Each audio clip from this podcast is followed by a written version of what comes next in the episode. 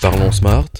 Sponsored by Youth IT France. Bonjour et bienvenue dans ce premier numéro de Parlons Smart. Parlons Smart, c'est un rendez-vous hebdomadaire du groupe Youth IT MyCompTN pour mieux vous accompagner dans le monde de la transformation digitale de l'entreprise. Je suis Wissem Bouguila, CEO du groupe Youth IT MyCompTN. Cette semaine, on va aborder le grand casse-tête de toute entreprise qui est comment réduire les factures de télécommunications. Aujourd'hui, il y a des nouvelles technologies qui ont réussi à réduire les dépenses et les investissements sur les communications. On parle donc de la solution de communication C'est quoi la communication unifiée? Comme son nom l'indique, elle permet d'unifier tous les moyens de communication, notamment la voix, la vidéo, les enregistrements, la messagerie, l'email, le fax, les statistiques, l'agenda et surtout la taxation par utilisateur. Cette solution permet de réduire jusqu'à 60% des frais de communication grâce à deux choses.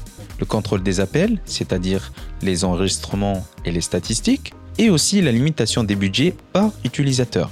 Parmi les constructeurs de solutions de communication unifiées, on peut citer GrandStream, qui est un constructeur américain, leader à l'échelle internationale, qui la propose, mais en plus sans licence. Je vous invite à consulter grandstream.tn pour avoir plus d'informations. Mais saviez-vous que la réduction de 60% des coûts peut passer à 80% Comment? On vous le dira la semaine prochaine dans un nouvel épisode de Parlons Smart.